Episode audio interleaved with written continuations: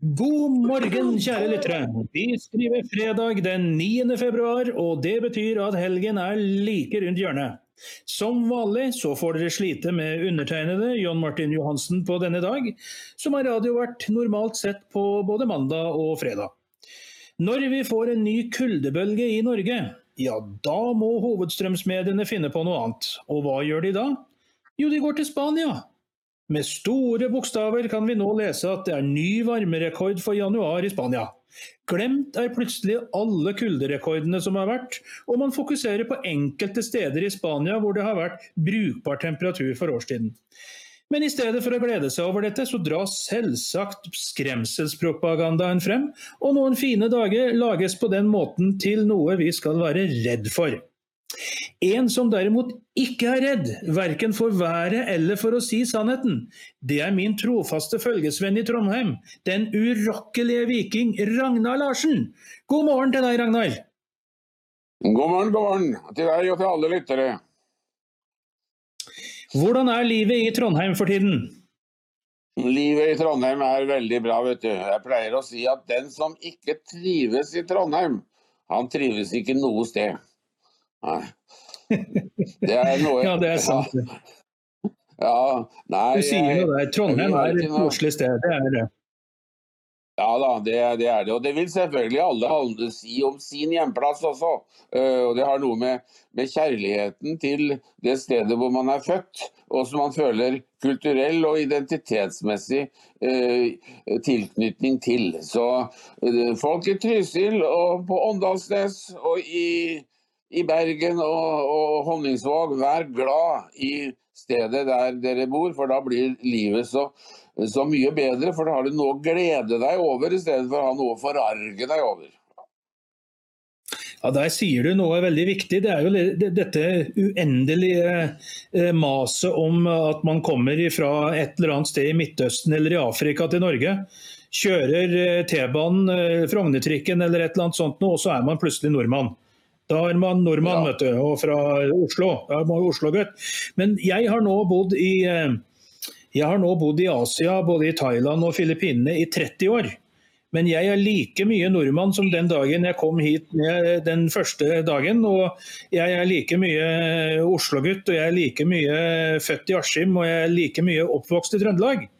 Så det, det, forandrer seg aldri. og det, det, er rart at det liksom bare skal gjelde for, eh, for, de som kommer fra Midtøsten og Afrika og sånt. og dette her. Det gjelder ikke for oss nordmenn, altså, som drar ut andre steder. Nei, Nei det er, er sikkert. Mange av oss har jo en, en dypere forankring enn en andre. Vi nordmenn vi er et folkeferd som flytter mye på, på, oss. Det er ikke bare det at folk flytter mellom land og verdensdeler, men i vår tid så flytter man jo også eh, mellom steder og landsteder internt i, i, eh, i, i Norge. Så vi er et, et, folk som i større grad enn før er på, på, på vandring. Og når man er på vandring, da er det veldig viktig å ta vare på, på, på, på røttene. Eh, tidligere statsminister Jon Lyng var eh, trønder. Eh, men han var nøye med at du kunne ikke kalle deg trønder før du hadde kunnet føre slekta di seks generasjoner tilbake på trøndersk jord. og da Lars, Roar Langslett, den senere kulturminister, sjekket stammelavda til Jon Lyng, Eh, da han skrev en biografi om Jon Lyng, ja, så fant han ut at eh, Jon Lyng selv var på den trygge siden og kunne føre slekta si mer enn seks generasjoner tilbake eh, på trøndersk jord. Så det, det, det å ha røtter og identitet, det er meget viktig. Jeg sjekket bygdeboka for, for, boka, for bygda hvor jeg vokste opp. Og eh, da ble jeg meget beroliget. Da vi kunne slå fast at uh, slekta har bebodd, gårds, uh, bebodd familiegården i 19 generasjoner. Og vi kan takke Martin Luther av alle for at vi ble selveiere. Fordi at den gangen så var det kirken, klostrene, Eh, og, og Nidaros domkirke, som var den store eh, jord- og landeier i Trøndelag. Men så uh, brøt jo Martin Luther, som vi vet, med romerkirken. Og uh, den danske kongen, som jo da var felles kongen Danmark-Norge, uh, han konverterte fra Roma til Martin Luther. Og han tok riktig godt og, og beslagla alle kirkens enorme jordeiendommer. Og solgte det for en hyggelig pris til de som hadde vært husmenn. Og slik ble eh, min stamfar for 19 generasjoner siden selveier på egen gård. Eh, sist på 1500-tallet. Så er trønder eh, i 19 generasjoner, og da får det holde. Du verden, det var da imponerende. Det, det, må jeg si. Min far har eh, en stamtavle ganske langt bakover, men på ingen måte så langt. Det kommer nok fra Hallingdal, eh, i hvert fall noen av, eh, av mine forfredere. Da. Og jeg er som sagt født i Askim, og jeg har bodd store deler av tiden i Norge i Oslo. Men jeg, har, jeg, vokste, jeg, bodde, gikk på barne- og ungdomsskole da en, i en liten grend som heter Skaga, som i, lå i det som da var Nære kommune. Det er Næresund kommune nå. Eh, ikke langt ifra Rørvik, Vikna og, og, og der. Eh, eller Kolvereid, eh, som er det nærmeste, nærmeste, lille stedet som jeg gikk på, på skole. da. Og jeg føler jo på en måte at jeg har et ben både i, på Østlandet og i Trøndelag. Så selv om jeg ikke er like stedsbunden da, som det du er, eh, Ragnar, så, så, er det ikke noe mye tvil om at jeg kjenner på det at nordmann, det er jeg nå i hvert fall om jeg er trønder eller om jeg er østlending. Eller om jeg er en, en det, hva var det han sa, onkelen min, en blanding av buhund og racer. Det, det, får jo så være. men men nordmann er jeg nå i hvert fall, det er nå ingen tvil om. Og, og uh, Om jeg bor aldri så lenge i utlandet, om jeg har uh, permanent oppholdstillatelse her og, og, det ene med det andre, og man snakker språk og det ene med det andre, og man har integrert seg aldri så godt. Nordmann det er jeg alltid, det vil jeg for alltid bli, og det oppfatter alle andre lokale innbyggere her meg selvfølgelig også som. Men det gjelder altså ikke en del av Oslo-gutta, som ikke kan snakke norsk. Og, men nordmann, det er dem. Det skal de være, vet du. Ja, du vet, nordmann, eh, det, det, dreier seg ikke om du har norsk pass eller ikke. Men det er om du føler deg som nordmann ut fra norsk kultur og tradisjon, og oppfører deg eh, ifølge disse tradisjonene, og identifiserer deg med den norske væremåten, norsk kultur, norsk demokrati, folkestyre eh, og det hele tatt det å være norsk. Det er jo da du er, du er, nordmann. Om du da får et papir hvor det står at du er norsk statsborger, har jo lite med det eh, å, å, å gjøre. Jeg bodde i ti år ja, på Gjøvik. Eh, det er jo ikke nok å føle seg norsk, Ragnar. Det, det holder jo ikke. Det blir jo som Erna Solberg eh, sier. ikke sant? Det går jo ikke å, altså, Man må jo være norsk. Man må jo ha røtter, som du selv sier, da mange generasjoner tilbake i tid. Ellers så er man jo ikke norsk. Det nytter jo ikke, så Jeg kan jo si at jeg føler meg asiatisk, at jeg føler meg filippinsk eller føler meg thai. Men det vil jo alt bare være tull, fordi jeg er nordmann. Spiller ingen rolle hva jeg føler meg som. Er du ikke enig i det? Jo da, jeg, jeg, jeg, er enig i det. det, det, det du, du, må være forankret i, i, noe mer enn et rent føleri. Det er, er sikkert og visst. Det, det, har også med følelser å gjøre, men ikke bare det. Det må, det må være djupere forankret enn en, en, en, overfladisk følelse. Det, det, må være forankret i en virkelighet hvor du også lever og tenker som en, uh, som en nordmann, og ikke bare vifter med et uh, papir med, hvor det står at du er norsk statsborger. Det er så riktig som det går an å få sagt det. Og noe som kanskje ikke er like riktig, det er eh, hovedstrømsmedienes store oppslag i, i, går. Og det gjaldt da eh, eh, varmen i Spania.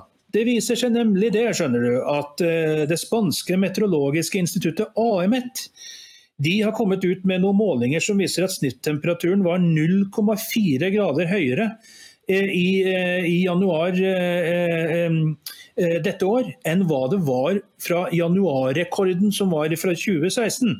Og Da må man legge til at disse temperaturdataene de er kun uh, begynt å, å blitt målt da i 1961. Men dette tar man ikke noe hensyn til. Man kjører på nå for det det, det, det er. Og, og, nå er det krise, det er helt utrolig. ikke sant? Og De har innhentet NTB. da, har inntatt en, en, kommentar fra landbruksministeren i Spania, Luis Planas, som sier det at spanjolene vet svært godt at klimaendringene er her, sier han. Er noen godværsdager i januar i Spania, det krise det, Ragnar? Nei, Nei da, da, gjør man seg selv historieløs og har glemt at uh, det, det, I vår del av verden så var man for 20 år siden dekket av is. Det var en kalott som strakk seg fra, fra Alpene, nord for Alpene og helt til Nordpolen og over på den eh, andre, andre siden. Og de ble, den ble borte helt, helt av seg selv. Eh, isen tinte. Og hvorfor tinte den? Den tinte ikke pga. at det var gasskraftverk og dieselbiler og skokker med krøtter oppå isen som fjertet og slapp ut metangass. Nei, den, den smeltet pga. at solintensiteten steg igjen, for den hadde da vært lav, og så økte den. Fordi at utstrålingen av varme fra sola, den er jo ikke, er jo ikke konstant. Det, den påvirkes jo eh, av mange forhold. Og uh, da den intensiteten økte, temperaturen steg, så forsvant, uh, forsvant uh, isen over Nord-Europa nord for Alpene. Og temperaturen den varierer jo. vi hadde en lille istid på 1600-1700-tallet, og så ble det varmere. Og nå er det jo uavhengige forskere som, som peker på at vi går mot en ny, langsomt mot en ny istid. Men at temperaturen varierer mellom årstidene, og at den varierer fra én måned ett år til en samme måned året etterpå, eller to år etterpå, ja det er jo hører med til helt naturlige variasjoner. Men du vet, de som jo eh, fremmer eh, disse pussighetene og utnytter dem politisk, det er jo fordi at nå går vi mot, en, mot varme, varmere klima generelt. Det er menneskeskapt. Altså må menneskene oppføre seg annerledes. Og så må skattene opp. Fremfor alt må skattene opp. For når skattene i statskassen klinger, vet du, da, da forsvinner eh, sjelen eh, ut av skjærsilden. Klimasjelen ut av skjærsilden. Som de eh, gamle katolikkene i Romerriket og Vatikanet foreskrev for noen århundrer siden. Så dette er hvordan naturlige eh, variasjoner i naturen blir utnyttet politisk for å få økt råderett over menneskenes verdiskapning. Punktum. Eh, Dokuments eh, forlagssjef Christian Skau skrev en eh, meget god artikkel her for noen dager siden, hvor det ble da snakk om at det skulle bli kaldere igjen nå i Norge. Det er VG som da hadde et stort oppslag om at de slår ny kuldealarm. For nå kommer kulda igjen. Og I den anledning så skriver Skau at eh, VG innhenter gode råd fra statsmeteorolog Dina Stabel, som råder folk i Norge til enhver tid å sørge for gode og varme klær. Man må kle seg godt, sier hun. Og så kan det komme perioder med litt snø både i nord og sør i landet de kommende dagene. Så da er det beste rådet å se an kjøreforholdene legger hun til. Og da skriver Skau at kle deg og kjør etter forholdene skulle du ha sett. Og Han stiller seg da spørsmålet sikter VG seg inn mot et mentalt tilbakestående publikum. For Man kan jo lure på liksom, hvor dum er man i VG, og hvor dumme tror egentlig VG at folk er. Vi snakker at vi er i, vi, vi er i den verste vintermåneden i Norge, og at det vil komme snø igjen etter at snøen har smelta, at det blir kaldt igjen etter at det har blitt varmere det, er jo helt naturlig. Sånn har det vært de siste 100 årene. Så eh, Hva er det som skjer her? Er, er VG, har de, har de, hva er det som skjer i VG for tiden, Ragnar? Nei, De er besatt av de samme tvangstankene som eh, mange andre i, i, i disse hovedstrømsmediene. Så her har man også forsket seg frem til at når det blir kaldt, så må du kle på deg. Og hvis det blir mye snø i veien, så må du avpasse farten etter forholdene. Og da må jeg si, hva skulle vi ha gjort uten forskerne? som tenk, har forsket seg frem til, til disse konklusjonene. Ja. Nei, dette er igjen dette virvaret. Så vi, så vi lever i en, i en, merkelig tid hvor, hvor, selvfølgeligheter blir gjort til vitenskap, og man må forske seg frem til øh, øh, de mest opplagte tingene.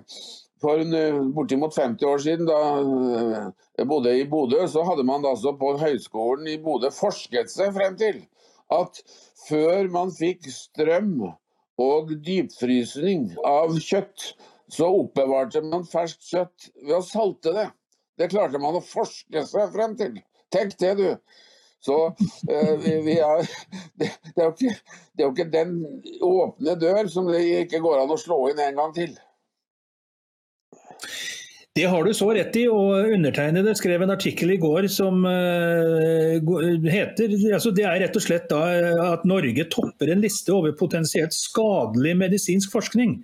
Og det det er snakk om er at eh, 71% av alle studiene som disse forskerne, norske forskere driver med, de blir aldri offentliggjort. Helt bare tull.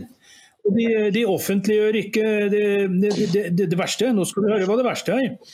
Eh, eh, det verste er at de, de Eh, de, de, altså, det var en, en, undersøkelse som forskning.no foretok, hvor de spurte forskere om hvorfor de ikke publiserer studiene sine. Norge topper som sagt den, denne listen over alle land som da driver med medisinsk forskning og, og som publiserer det, og Norge er altså verst. Hvor de, de publiserer jo nesten ingenting av, av det de Og I denne undersøkelsen som forskning.no da foretok, så øh, viste det seg det at de fleste forskerne svarte at de ikke hadde tid til å publisere det de hadde funnet ut. Da kan man jo spørre seg hva faen skulle de finne ut dette her for? Unnskyld eh, banningen her. Eh, men enda verre var svarene om at forskningen ble liggende fordi resultatene ikke ble det de hadde forventet eller ønsket seg. Og da, da er vi vel inne på det, Ragnar, hvor vi snakker agenda her, gjør vi ikke det?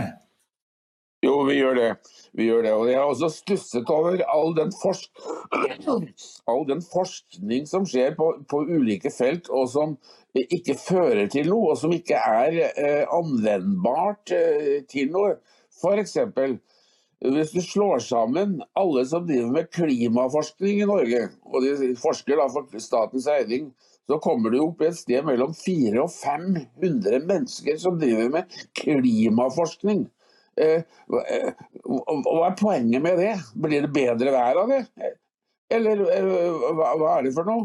Og det finnes ca. 200 såkalte forskere ved universiteter og høyskoler som driver med kjønnsforskning. Og til og med et tverrvitenskapelig kjønnsforskning, som er et eget institutt ved Universitetet i Oslo. Jeg har drevet med kjønnsforskning, jeg også. Eh, og det var eh, i, i unge, ord, hvor, eh, hvor testosteronet fløt rike, rikeligere gjennom, gjennom årene enn det gjør i min, i min alder. Og det mangla jo ikke på forskningsobjekter.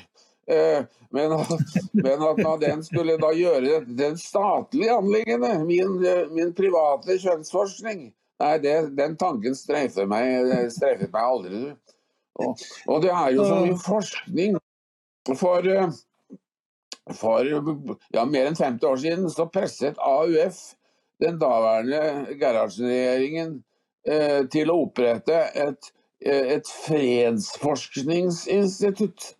Og de har brukt opp milliarder på titalls milliarder kroner. Men har det skapt noe fred hos det?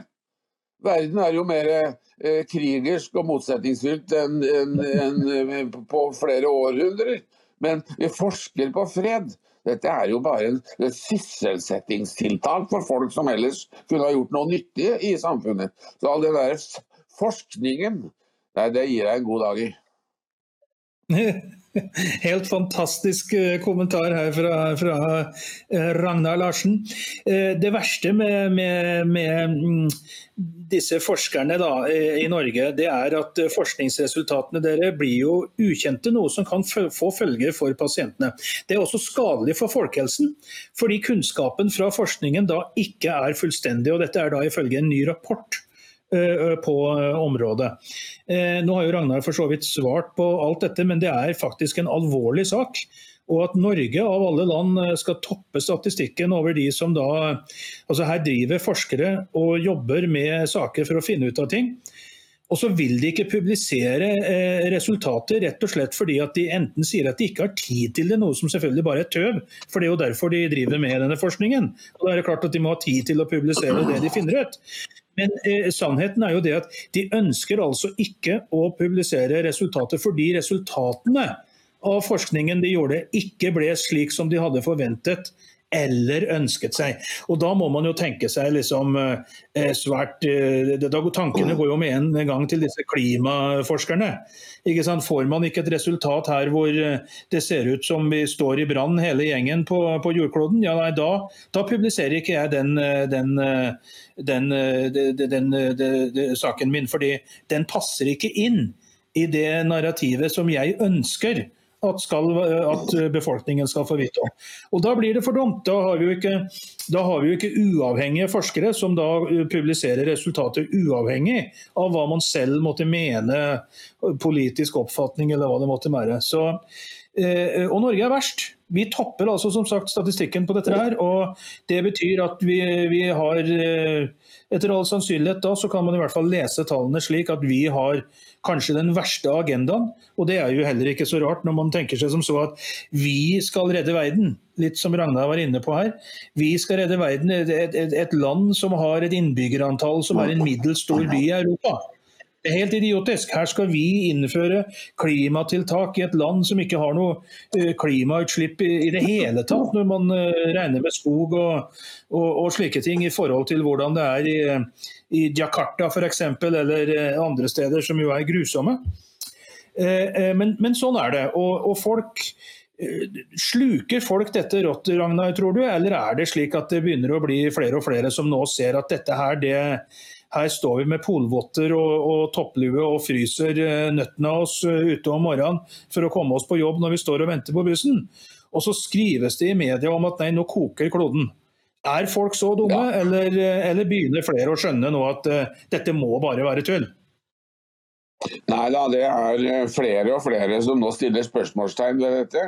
Eh, og eh, det var vel Aftenposten som for eh, noen måneder siden publiserte en internasjonal undersøkelse som viser at Norge har en voksende skepsis, altså det norske folk, en voksende skepsis skepsis til hele forestillingen om den globale oppvarming og det grønne uh, skiftet. At vi nå begynner å nærme oss en topp i den siviliserte delen av Europa som er uh, skeptisk til uh, hele, hele tankesettet. Og det virker, det virker lovende, for da vil det over tid, men det tar dessverre tid, også smitte over på det politiske establishment. Altså at det, gjelder, at det, er fint å ha høye tanker om seg selv, men politikere som ikke får eh, klarer å holde kjøreledningen oppe på Østfoldbanen engang, de skal nå gjøre seg til herre over vær og vind. Dette virker jo nokså formastelig på alminnelig åndelig utrustede mennesker. Eh, man ser bort fra kjensgjerningene at naturen styrer seg selv under påvirkning av solen. Sånn er dette universet skapt, og sånn kommer det til å bli. Og så kan jo da mennesker med ambisjoner uh, ha, ha, ha, store forventninger til hva de selv kan utrette for å endre på dette. Men uh, naturen rår, uh, og slik vil det forbli. Det har du i hvert fall helt rett i. Det er det ingen som kan, eh, kan eh, De må gjerne si noe annet, men det, jo, det, vil jo uansett bare bli tull. fordi Naturen kan man ikke få gjort noe med. Den, den har vært her i, i, alle år, og den vil forbli her i alle år. Den var før mennesket, og den vil være der etter mennesket. og det om man tror det eller ikke tror det, eller hva man måtte tro på, det, det, vil ikke forandre på den uh, saken uansett. Men nå skal vi til en sak som du skrev, Ragnar, om NRK. Denne saken får utrolig mye oppmerksomhet. Og Hvis du som lytter ikke har lest den, så gå inn på dokument. Den var på kommentarplass i går. Og, og få med deg den. Den heter 'NRK taper tillit overalt og mister stadig flere seere'. Og Dette skal vi komme tilbake til eh, eh, om litt. Men før vi begynner å snakke om den, så skal vi ha en liten jingle her. Så vi er straks tilbake etter dette. Hei! Vi i Dokument er glade for at du leser oss hver dag lytter til dokumentradio og ser på Dokk TV. Redaksjonen produserer døgnet rundt. Og trenger både abonnement og donasjoner. Dokument er unikt i Norge. Vi er det eneste virkelig konservative mediehuset. Støtt oss på VIPS nummer 638941. Det Kent sa. VIPS nummer 63 89 41. 63 89 41. Eller bli abonnent.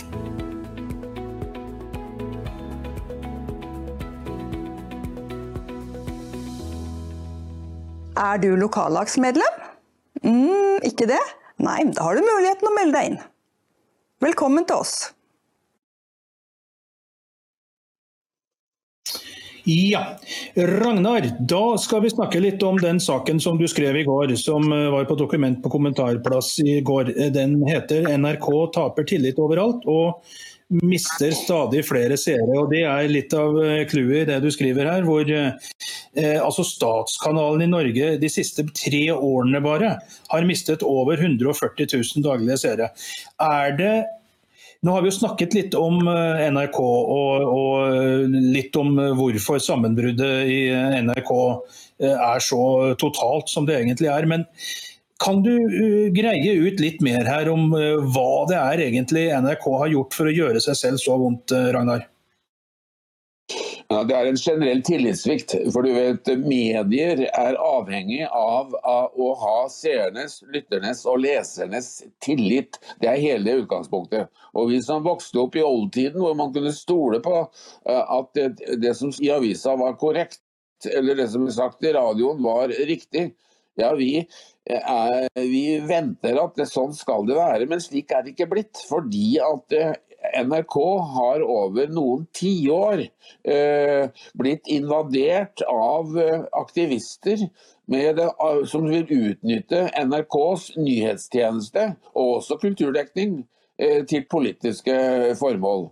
Gamle kringkastingssjef eh, Hans Jakob Ustvedt, som var kringkastingssjef på 70-tallet, han sa, eh, da han ble kritisert for at det var venstrevri eller høyrevri i et program, så sa han at det må være balanse på lengre sikt. Og det har han jo rett i. Ethvert program kan ikke være politisk nøytralt og balansert. Eh, men det må være balanse over tid, og det er denne balansen over tid som mangler i NRK eh, i, i dag. Og Du ser det i, i nyhetstjenesten hvor dekningen av Midtøsten eh, er overlatt til eh, folk som ikke liker eh, staten Israel, og det preger hele dekningen. Den er overlatt til dekningen av, av USA til folk som ikke liker Donald Trump f.eks. Og det er jo lov, men det må jo bare ikke prege nyhetsdekningen. Når man har lagt USAs tidligere eh, president for hat, eh, og lar det prege dekningen, så, så, så, så blir det sånn. Og Det har noe med at journalister ikke lenger er ute blant folk og, og har mange og varierte kilder. De satt f.eks.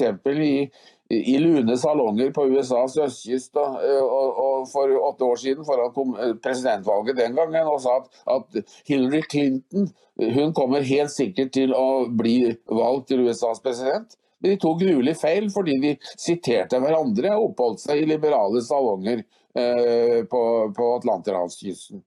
Og, og NRKs eh, korrespondenter og norske journalister som var i London eh, før folkeavstemningen om brexit, nei, de var jo helt bombesikre på at, at, eh, at svaret ville bli at, at, Storbritannia ville forbli i, i, EU.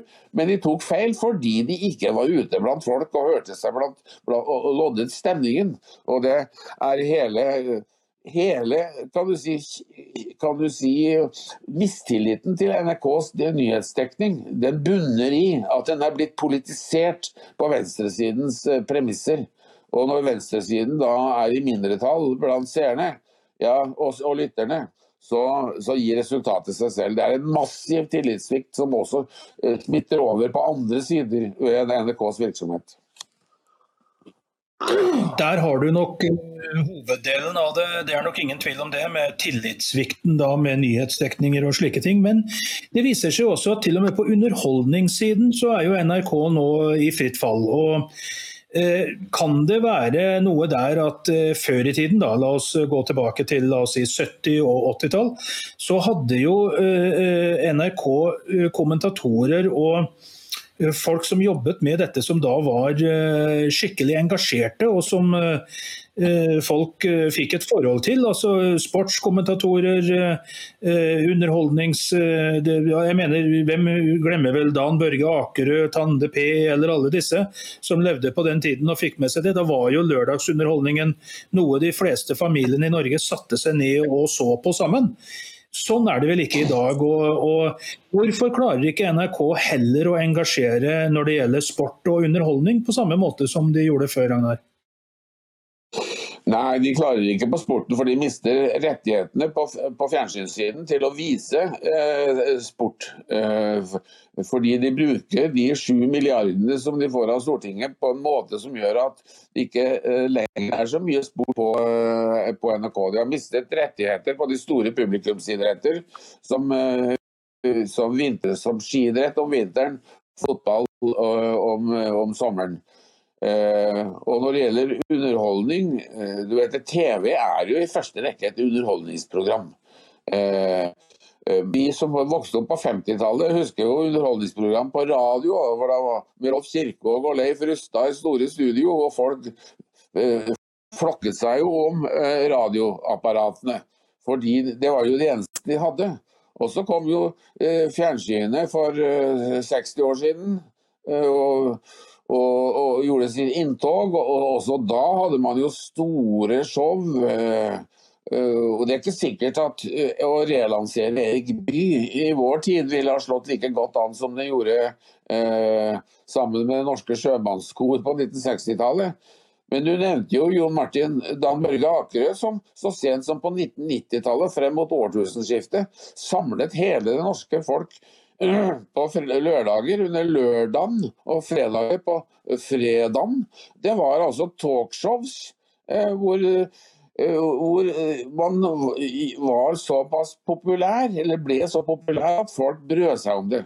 Men nå så klarer man jo ikke å samle folk selv når det er Melodi Grand Prix, som jo var her i byen for eh, en uke siden. Uh, som, hvor, som, som uh, var påkostet så det rakk men samlet bare halvparten så mange eh, seere som de gjorde for åtte år siden. Så det er en massiv eh, svikt av eh, NRK over hele fjøla. Lere, les, seere og lyttere de flykter fra statskringkastingen. Ja, de gjør det. Og det er også heller ikke lenger eh, Man har lenger ikke eh, samme eh, Det kan jo godt hende at det har noe med tiden å gjøre, at det ikke passer inn i tiden. Men det er ikke noe aldersbestemte programmer lenger, på samme måte som det da var tidligere. Man, blant annet så hadde man jo da, når Halv sju kom, som de fleste unge da vil huske, så var jo det en revolusjon den gangen. Det var jo da noe som alle ungdom, unge og ungdom ville se på. Eh, NRK hadde jo veldig fine barne-TV-er eh, på 70- og 80-tallet. Og ikke minst så hadde man jo da program eh, som var rettet mot de eldre. Vi husker vel alle 'Husker du?' med Odd Gryte og Ivar Ruste.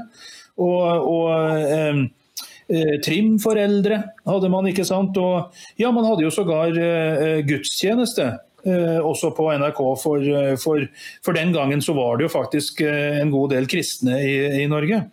Alt dette er forandret nå, og det, det, er selvfølgelig ikke det samme landskapet. Men, men tror du at liksom det å ikke lenger prøve å treffe de forskjellige aldersgruppene, at det også kan ha gjort noe med, med at folk rett og slett ikke lenger finner noe som passer dem på NRK? Ja da, det er, er riktig. Og du har jo og seertallene går jo ned. NRKs andel NRKs andel av den totale fjernsynstittingen den går ned selv om NRK har tre kanaler. Så hjelper ikke det når innholdet ikke fanger interesse. Men nå skal det selvfølgelig legges til også at at, at uh, seervanene uh, de, de, forandrer seg med, uh, med, aldersgruppene. Unge mennesker i dag de ser stort sett ikke på fjernsyn som fjernsynsskjermen, som tidligere generasjoner gjør. De ser på andre medier. De har det på brett og fremfor alt på, på mobilen sin.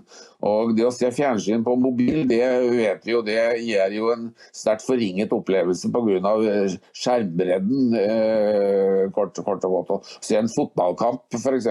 På, på, på en liten skjerm på en mobiltelefon, eh, det er jo ikke den store eh, opplevelsen. Så noe endrer seg med, eh, med at vi nye seergrupper ikke har det forholdet til fjernsynet som vi eldre har. Så NRK det utvikler seg nå til å bli en, en, en, leverandør til geriatriske institusjoner, egentlig fordi at ser, altså aldersgruppene, eller gjennomsnittsseeren, den, den, øker i, i, i, gjennomsnittsalder mer enn ett år eh, for, hver, for, for hvert år pga. at de unge seerne blir borte. Så Eh, og dette forsøker de jo da å pøse på med, med alle mulige sånne podkaster, som jeg forstår nesten ingen ser på, men som NRK bruker mange på. Og nei, de må, Jeg mener også at staten som eier bør gripe inn. Ikke i det enkelte programproduksjon, men det er staten som eier NRK. Og, du, og, jeg savner eierstyring, fordi at uh, når eierne ikke griper inn mot utviklingen, så må det jo være for at eierne er fornøyd med virksomheten. Uh, hadde jeg vært redaktør i et, i et, uh, medium med så dårlige resultater som NRK har, så ville jeg blitt avsatt. Men det gjør jeg ikke i, i, i stat. Staten lar humla gå og pøser stadig nye milliarder inn i virksomheten som stadig færre bryr seg om. Ja, når du sier det du sier nå, Ragnar, så er det ganske åpenbart at NRK i den form den fremstår eh, i nå, nok eh, bør diskuteres. For vi snakker da eh, store utgifter. Det er 7 milliarder som snakket i året for det produktet som folk får. og det det er nok ikke godt nok lenger i dagens eh, landskap med sosiale medier og det ene med andre. Så det er kanskje på tide å begynne å revurdere, eh, revurdere NRK litt, og hvilken plass eh, en statskanal på den måten egentlig har i dagens moderne samfunn. Og i hvert fall hvordan man kan forandre dette slik at det vil, igjen vil være mer interessant for, for, en eh, større gruppering av mennesker. Eller at man rett og slett legger ned hele institusjonen. Det kan jo, det kan jo kanskje være like, like greit når man, eh, når man, tenker seg om. Men ifra NRK og det trøstesløse greiene der, så skal vi over til eh, eh Fosen-saken. Fordi der er det en høyesterettsdommer som var med under den saken, som, som, rett og slett går ut og sier det, Ragnar, at det som har skjedd i etterkant av den dommen i Fosen-saken, der har regjeringen rett og slett gjort noe som er ulovlig. De har altså ikke tatt hensyn til den dommen som ble Eh, som ble eh, avsagt av Høyesterett, og latt eh, bare vindturbinene kjøre på i Fosen. Det er ganske altså, det, det, er snakk om en Han er tidligere høyesterettsdommer nå, han har gått av i, i, med æren i behold. Han heter Jens Edvin A. Skoghøy og var en av elleve dommere som da behandlet denne Fosen-dommen. og Han sier at det er helt ekstraordinært at staten ikke innretter seg etter en dom fra Høyesterett, sier han. Og hvordan, hvordan, er dette mulig, Ragnar, at, at staten selv, som, den, som, har satt disse reglene og sånn, ikke følger opp sine egne regler eh, når det de da driver med er rett og slett ulovlig? Ja, Det kan man stille spørsmål om. Og Høyesterett avgjorde jo at dette Eh, at det rettslige grunnlaget for, eh, for vindkraftparken på Fosen ikke var til stede. Det var satt opp uten hjemmel, eh, og det var satt opp uten rettslig grunnlag. Og Det var det jo ikke bare fem høyesterettsdommere som sa, som jo er normalt, men det var jo i Høyesterett såkalt storkammer. Dvs. Si det var elleve dommere som kom frem til denne enstemmige konklusjonen. Og ikke nok med det, men de sa at de bryter med menneskerettighetene. Og regjeringen lar altså humla suse. Man lar turbinene gå rundt selv om deres eh, tilstedeværelse og drift bryter med menneskerettighetene. Men det har ikke noe inntrykk på, på, på, på regjeringen, som fra dag én etter at Høyesterett avga sin kjennelse, eh, har gjort hva de kunne for å, for å torpedere og sabotere eh, eh, den rettslige kjennelsen, som jo er eh, fra rikets øverste domstol og følgelig ikke kan ankes noe sted. Hvis du, Jon Martin, hadde hatt en hytte i strandkanten, og så hadde du bygd deg et naust, et båthus, eh, uten tillatelse, og når det ble oppdaget, så ville kommunen ha gitt deg pålegg om å rive det. Ja. Eh, og hvis du ikke hadde gjort det, så ville det blitt revet for din regning. Men når man da har eh, krenket eh, reindriftsnæringen og naturvernere på Fosen, så, så, bryr man seg ikke om det engang. Du lar det gå sin gang. Eh, og, og, det er klart, Hva gjør dette med folks rettsfølelse? Er det jo grunn til å ta domstolenes eh, dommer og kjennelser på alvor når de ikke får, får følger? Så dette er, det er trist, og det gjør meg at jeg mister enda mer tillit til, til politikere som ikke engang har respekt for rettsstaten og rettsstatens avgjørelser. Først til det at hvis jeg skulle ha bygd et naust, så hadde det blitt et plankeskur som hadde revet seg selv ved det første vindpustet som kom. Så det, det sagt. Men fra det til, til denne høyesterettsdommeren Skoghøy, han påpeker altså at hvis staten og vindkraftselskapene her da ønsker å, å, påklage dette vedtaket, som ikke kan eh, på, det, er jo egentlig vennlig, men uansett, eh, hvis man skulle se noe videre på dette her, så måtte man i det minste stoppe turbinene og produksjonen mens dette pågikk. Dette mener da Skoghøy, denne dommeren, eller tidligere dommeren. Og han har jo et godt poeng her, fordi det er jo ganske uvirkelig at eh, staten her rett og slett bare ser bort fra si, sine egne regler. Og, og, og, og, loven i Norge det er, jo, det er jo en skandale. og det er, det er, som denne høyesterettsdommeren sier, det er helt ekstraordinært at de ikke innretter seg og at de, de holder på som de gjør. og Tror du at dette ville ha skjedd om man hadde hatt en annen regjering enn eh, Støre-regjeringen, eller er det bare Støre her som, eh, som vil være vanskelig? Nei da, det ville ha skjedd også om Erna Solberg og hennes kabinett hadde, hadde styrt. fordi det er to sider av, eh, av, samme sak. Legg merke til hvor liten kritikken er fra, eh, fra opposisjonen i, i, i, Stortinget mot at regjeringen lar eh, krenkelsen av menneskerettighetene pågå. Fordi at når noe skjer i navnet til miljø, klima og det grønne skiftet, ja, så er det ikke så farlig om du krenker menneskerettighetene. Eh, for da går dette helt av seg selv. Og jeg må jo si at, eh, at eh, Støre-regjeringens holdning til rettsstaten det minner meg litt om en plakat, som, eller rett sagt en, et oppslag som var rammet inn på Leankollen konferansesenter i Asker.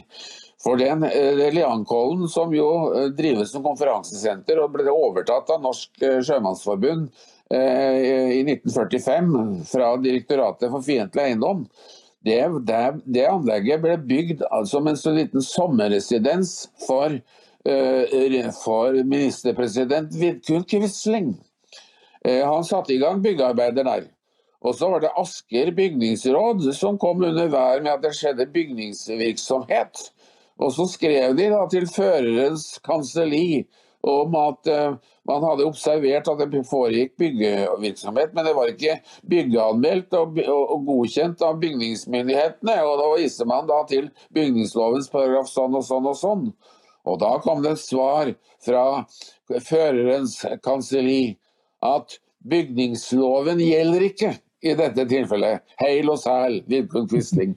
Eh, så dette, Det minner liksom om at nei da, når det passer makthaverne, så gjelder ikke loven lenger. Eh, sånn var det i 1943, og sånn er det i 2024. Veldig morsomt. Det der eh, minner meg litt om en sketsj fra KLM, hvor, eh, hvor, hvor Lars Mjøen intervjuer daværende er Gerhard, nei hva var det han het for noe, han som var sånn IOC-medlem. Jeg var også Høyremann, hva var det han het? Husker Gerhard Heiberg var det selvfølgelig. og Gerhard Heiberg var det, det er helt riktig. og Lars Bjørn skal liksom intervjue han, da, og det er jo selvfølgelig ikke Gerhard Heiberg, det er jo Knut Lystad. Og Når han står og intervjuer han, så kommer da eh, hans kone inn med noen drinker til dem, og de tar jo det og, sånn. Og, og, litt etterpå så kommer en annen uh, dame inn uh, med nye drinker, og så sier jo da Mjøen uh, men hvem er den kvinnen som kommer inn her? Ja, det er også min kone, sier da Lystad, som er Heiberg, da. Og så sier jeg ja, men flerkoneri det er jo ulovlig det i Norge. Og da svarer Lystad som Heiberg da, nei det syns jeg ikke. Så eh, det, det, minner jo litt om det, da kan du si. Men det, det, blir litt sånn som eh, man vil at det skal være og hva man syns at det skal være. Det er helt riktig det. Men en som ikke syns noe ja, fyr løs, Ragnar. Hva har du å si? Ja, nei, jeg, jeg sier det, det, er alvorlig for rettsstaten og for demokratiet og for hele vår samfunnsordning når uh, de som har samfunnsmakten, bare iverksetter dommer fra Høyesterett som de selv er enig i, men forpurrer og saboterer uh, dommer som de ikke liker. Og da er vi straks over i en annen samfunnsform som vi ikke liker. Ja, helt riktig. Det er helt riktig. Og det, ikke minst om det er en såkalt vanlig mann, som eh, Støre eh, sier, eh, som gjør noe. Da har han å rette seg etter det, den dommen som har kommet, ja. Det er noe helt sikkert. Man kan ikke si at nei, det syns jeg ikke. Det er helt sikkert. Så dette er en alvorlig ting, det, det er det ingen tvil om. Men Ragnar, vi skal videre til en som heller ikke er noe særlig fornøyd akkurat nå. Det er Sylvi Listhaug. Eh, lederen i Frp hun er meget uenig med Norges håndtering av eh, Midtøsten-krisen. Fordi nylig så opplyste nemlig Utenriksdepartementet at de ble invitert til å slutte seg til erklæringen som ble regnet som den siste advarselen overfor hutiene, før USA og Storbritannia da begynte å angripe dem i Jemen. Eh, men Norge de valgte da heller å snakke med dem. Vi vet jo hvordan eh, Norge og Barth Eide og, gutta her syns at dialog, og mener dialog, det er jo eh, tingen. Det mener ikke Sylvi Listhaug og flere med henne. Fordi Hun sier nemlig hvor naiv er det mulig å være når man ser ut til å tro at Norge ved å snakke med houthiene skal stanse angrepene. I stedet for å støtte Storbritannia og USA, som prøver å stanse terroristene og beskytte sivile skip, så tror den norske regjeringen altså at det nytter med dialog. Og her får vi jo litt sånn eh, vi får litt assosiasjoner til tidligere utenriksminister Anniken Huitfeldt og hennes eh, koseprat og, og business førsteklassetur selvfølgelig på eget privatfly med Taliban fra Afghanistan til Oslo, ikke sant? hvor man bodde på femstjerners hotell og alt på skattebetalernes regning, selvfølgelig.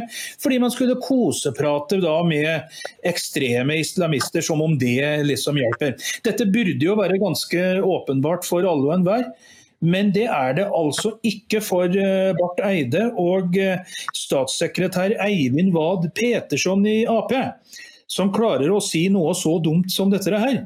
For Han mener det at ja, vi må snakke med houthiene, fordi eh, samtale kan kanskje ikke få slutt på angrepene. Men skal vi få løst problemer, så er det faktisk nødvendig å snakke med dem vi er uenige med. sier han. Det er helt håpløst å si noe sånt, og det er én ting. Enda verre blir det når han går ut mot Listhaug og sier at det er oppsiktsvekkende naivt av Listhaug å tro at dette problemet kan løses ved at vestlige land bomber ut igjen i Jemen. Det blir jo det samme som at hvis eh, du hadde fått en kraftig eh, ørefik, eh, Ragnar. Fra en som da han, han, han skjønner bare vold. Og, og, Da skal du få stå der og prøve å si til han men du må ikke slå, vet du, for det løser jo ingenting. Så får du deg en til. Tror du at han vil slutte med det? For Hvis du da sier igjen at nei, men nå må du høre her nå, dette er jo ikke riktig vei å gå. Bang, så får du deg en til. Kanskje så hadde han sluttet da hvis du hadde gitt ham en knallhard ørefik tilbake. For det er jo i hvert fall et språk han forstår. Listhaug må ha et godt poeng her, syns du ikke det, Ragnar? Absolutt. absolutt. Nei, du vet, Den norske naiviteten og tro på egne ferdigheter, den er jo grenseløs. Men eh, her, eh, her, ser vi igjen nytt, det som Bjørnstjerne Bjørnson skrev i nasjonalepos eh, Sigurd Jordsar for 130-50 år siden. Der skrev han at norrøna-folket, det vil fare, overføre kraft til andre. Tenk deg overføre kraft til andre. Så hvis norske, norske politikere med kraft overfører sine, og med beroligende stemme da, overfører sine synspunkter til opprørske terrorister, ja, så vil de straks la våpnene falle og høre på kloke nordmenn. Du, hvor, hvor, hvor teit i hodet går det an å bli? Eh, altså at du skal snakke terrorister til rette. Makt eh, krever motmakt, og, våpen det kan bare stanses med motmakt med våpen. Dette minner jo liksom litt om, om, Chamberlain, den naive engelske statsministeren som var i München i 1938 for å ha fredssamtaler og forsonende samtaler med Adolf Hitler. Kom tilbake med et papirstykke og viftet med uh, i London og sa 'P our time'. Og da gikk det jo ikke mange måneder før en annen verdenskrig var i, i full gang. Altså, å ha tro at du kan snakke folk som har onde hensikter til rette. Eh, det kan du kanskje i psykiatrien, på personplanet, eh, men på statsnivå så, så, så er dette grenseløst naivt. Og det viser igjen at Norge svekker den vestlige solidariteten når det passer. Og Norge er mer avhengig enn de fleste andre land i verden at det er fredelige forhold i disse farvannene fordi vi er en så stor skipsfartsnasjon. Så det rammer jo ikke bare internasjonal handel eh, og internasjonalt varebytte og den internasjonale økonomien, det rammer ganske særlig eh, norsk eh, skipsfart. Å tro at du da kan snakke terrorister til rette ah,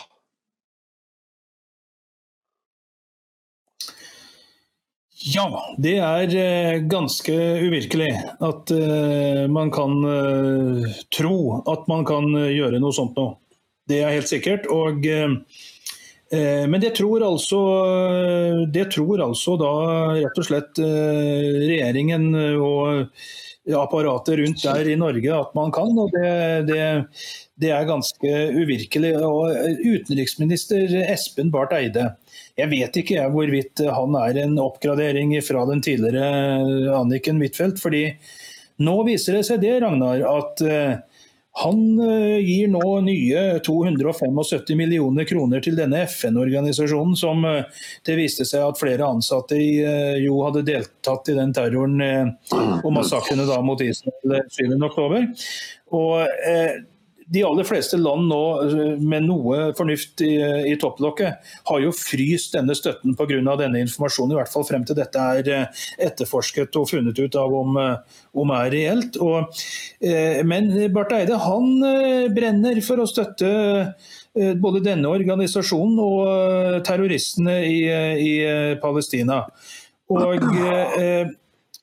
hvor håpløst, hvor, hvor håpløst går det an å bli? Er det, altså, man må lov å si, Hva var det for noe? Var det Dizzie Tunes det en gang med han Tor Erik Gunnstrøm? når Han ble spurt liksom av, av uh, han Yngvar Numme liksom, når han sier men hvor dum går det an å bli, da? sier han til Tor Erik Gunnstrøm. Hvoretter han svarer ja, spør meg. Og det, det, det, det er svar som Espen Barth Eide vel kunne ha kjent seg igjen i, syns du ikke det, Ragnar? Jo da, absolutt. Men han, Espen Barth Eide følger jo opp da, en tradisjon her fra en av sine forgjengere, selveste statsminister eh, Jonas Gahr Støre, som da han var utenriksminister eh, i Stoltenberg-regjeringen, så så skulle han jo ha samtaler og dialog med alle. Og vi husker jo eh, VGs eminente satiriske tegner Roar Hagen, som hver gang han tegna eh, Jonas Gahr Støre, så lagde han en sånn snakkeboble hvor det sto da 'dialog' på fransk. Eh, ut fra hans munn. Og Det er jo dialog nå også. Vi skal snakke folk til rette. Vi skal ikke bruke makt. Eh, nei, vi skal snakke. Vi skal preike. Eh, det norske fredsevangelium eh, overfor alle, for da blir verden et bedre sted å være. Men her bryter vi igjen eh, den vestlige solidariteten, for det er vestlige land pluss Canada eh, og Australia fra andre kontinenter, som også har stanset eh, finansieringen av denne eh, hjelpeorganisasjonen til, for, for, palestinerne. Men Norge, vi, vi, vi øker den isteden. Så vi bryter det vestlige fellesskapet. og, og, og, og det, og det, føyer seg jo inn i holdningen i det hele tatt. Gjenfør for Eh, snart fire måneder siden, da Hamas-terroristene eh, angrep eh, Israel og, og myrdet 1200 israelere på en måte som vi skal spare lytterne fra å skildre nærmere. Men da ville ikke Jonas Gahr Støre engang kalle det for terror. Nei, han ville ikke kalle det terror. Mens, mens hele verden, i hvert fall den siviliserte delen av den, gjorde det. Så de, Man har altså et merkverdig forhold til islamsk terrorisme. Det er liksom ikke terror det når, når det begås av, av, av islamister. Pussig. Ja, Det er pussig for, for, Støre og co. De har jo et veldig realistisk forhold til terror når det ble begått av Anders Behring Breivik. Da har de et ja. uh, helt uh, rasjonelt og fornuftig forhold til terror, men det har de altså ikke når det begås av uh, noen som er minst like ille som det Breivik var. Og, og fordi det er da Dette er snakk om mennesker som potensielt er på deres side, på venstresiden eh, politisk, kan du si. Og de som de da Av en eller annen grunn så kan du forstå det, Ragnar. Hvorfor, hvorfor eh, venstresiden på død og liv skal støtte muslimer. Hva, hva, er det med muslimer som gjør at de har eh, Jeg vet jo at Hitler var veldig begeistret for muslimene og, og så på dem med den største respekt. Men hva kan det være at, som gjør det da at, at eh, venstresiden, hvor det nå måtte være en i verden, eh, eh ser på muslimer og, og, og, og, dem da som en, en slags berikelse for, for, til og med vestlige samfunn? Det er, jo, det, er jo, det er, jo, rett og slett skrekkelig og helt utrolig at det går an. Hva, har du noen forklaring på hvorfor, hvorfor det er sånn, Ragnar? Nei, Det er en arv, dette. Eh, den eh, Venstresiden er arvelig belastet eh, fordi at totalitære styrer det har alltid hatt en tiltrekningskraft på venstresiden. Går det 100 år tilbake, og den russiske revolusjonen som utløste begeistring på venstresiden over hele, hele Europa, inntil det gikk opp for dem at dette ikke var noen frigjøring av det russiske folk, det var bare at tsarens undertrykkelse var erstattet av kommunistenes undertrykkelse og, og vanstyre. Og, og, Det gikk jo generasjoner før man fikk øynene opp for, uh, for kommunismens uh, sanne, vesen. Og selv på i, langt ut i etterkrigsårene, 70-tallet, 60- og 70-tallet, så valfartet jo venstresidefolk til Øst-Tyskland, som var da den nye stjernen. Ikke til Øst-Tyskland, et demokratisk land, nei, men til Øst-Tyskland. Deltok på propagandashow i Rostock og, og Øst-Berlin. Uh, selv om de måtte vite at dette var et, et, et, diktatur. Og nå er jo kommunismen borte, uh, stort sett. Men nå har vi dukka opp som en ny erstatning er islam. Islam er ikke ny, men venstresidens dyrking av islam som voldsideologi. Eh, den, den, det er nå den, den, nye favoritten. Så venstresiden de finner seg stadig nye politiske ankerfester eh, blant eh, diktaturer og, og totalitære styresett. Pussig dette. Og til og med innenfor sosialdemokratiet, som jo har vært en uh, samfunnsomformende kraft i, i Vest-Europa i, i, et hundre år. De har nå en sånn tiltrekning til, til islam og, og, og, og, den totalitære tankegangen. Merkelig. Veldig interessant eh, her fra Ragnar Larsen. Noe å tenke over for eh, alle og enhver.